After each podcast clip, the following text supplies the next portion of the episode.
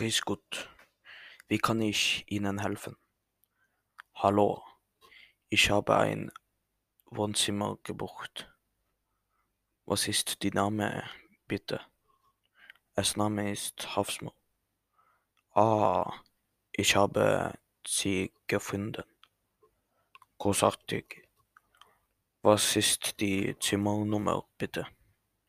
Entschuldigung, tut mir leid. Äh, aber das Zimmer wurde noch nicht gewaschen.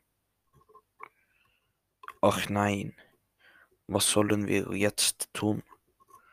Hm. Aha, es ist zwei Doppelzimmer, welches verfügbar ist und natürlich zu demselben Preis.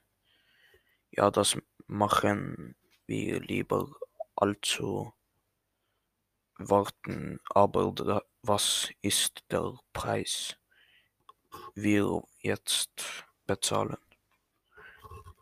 Natürlich, ein Zimmer ist 600 Euro total und zwei Doppelzimmer ist 1200 total. Wie viel zum Frühstück? Es ist mit dem Zimmer, bitte. Fantastisch. Und danke für die, die Hilfe. Null Problem, bitte. Tschüss. Tschüss.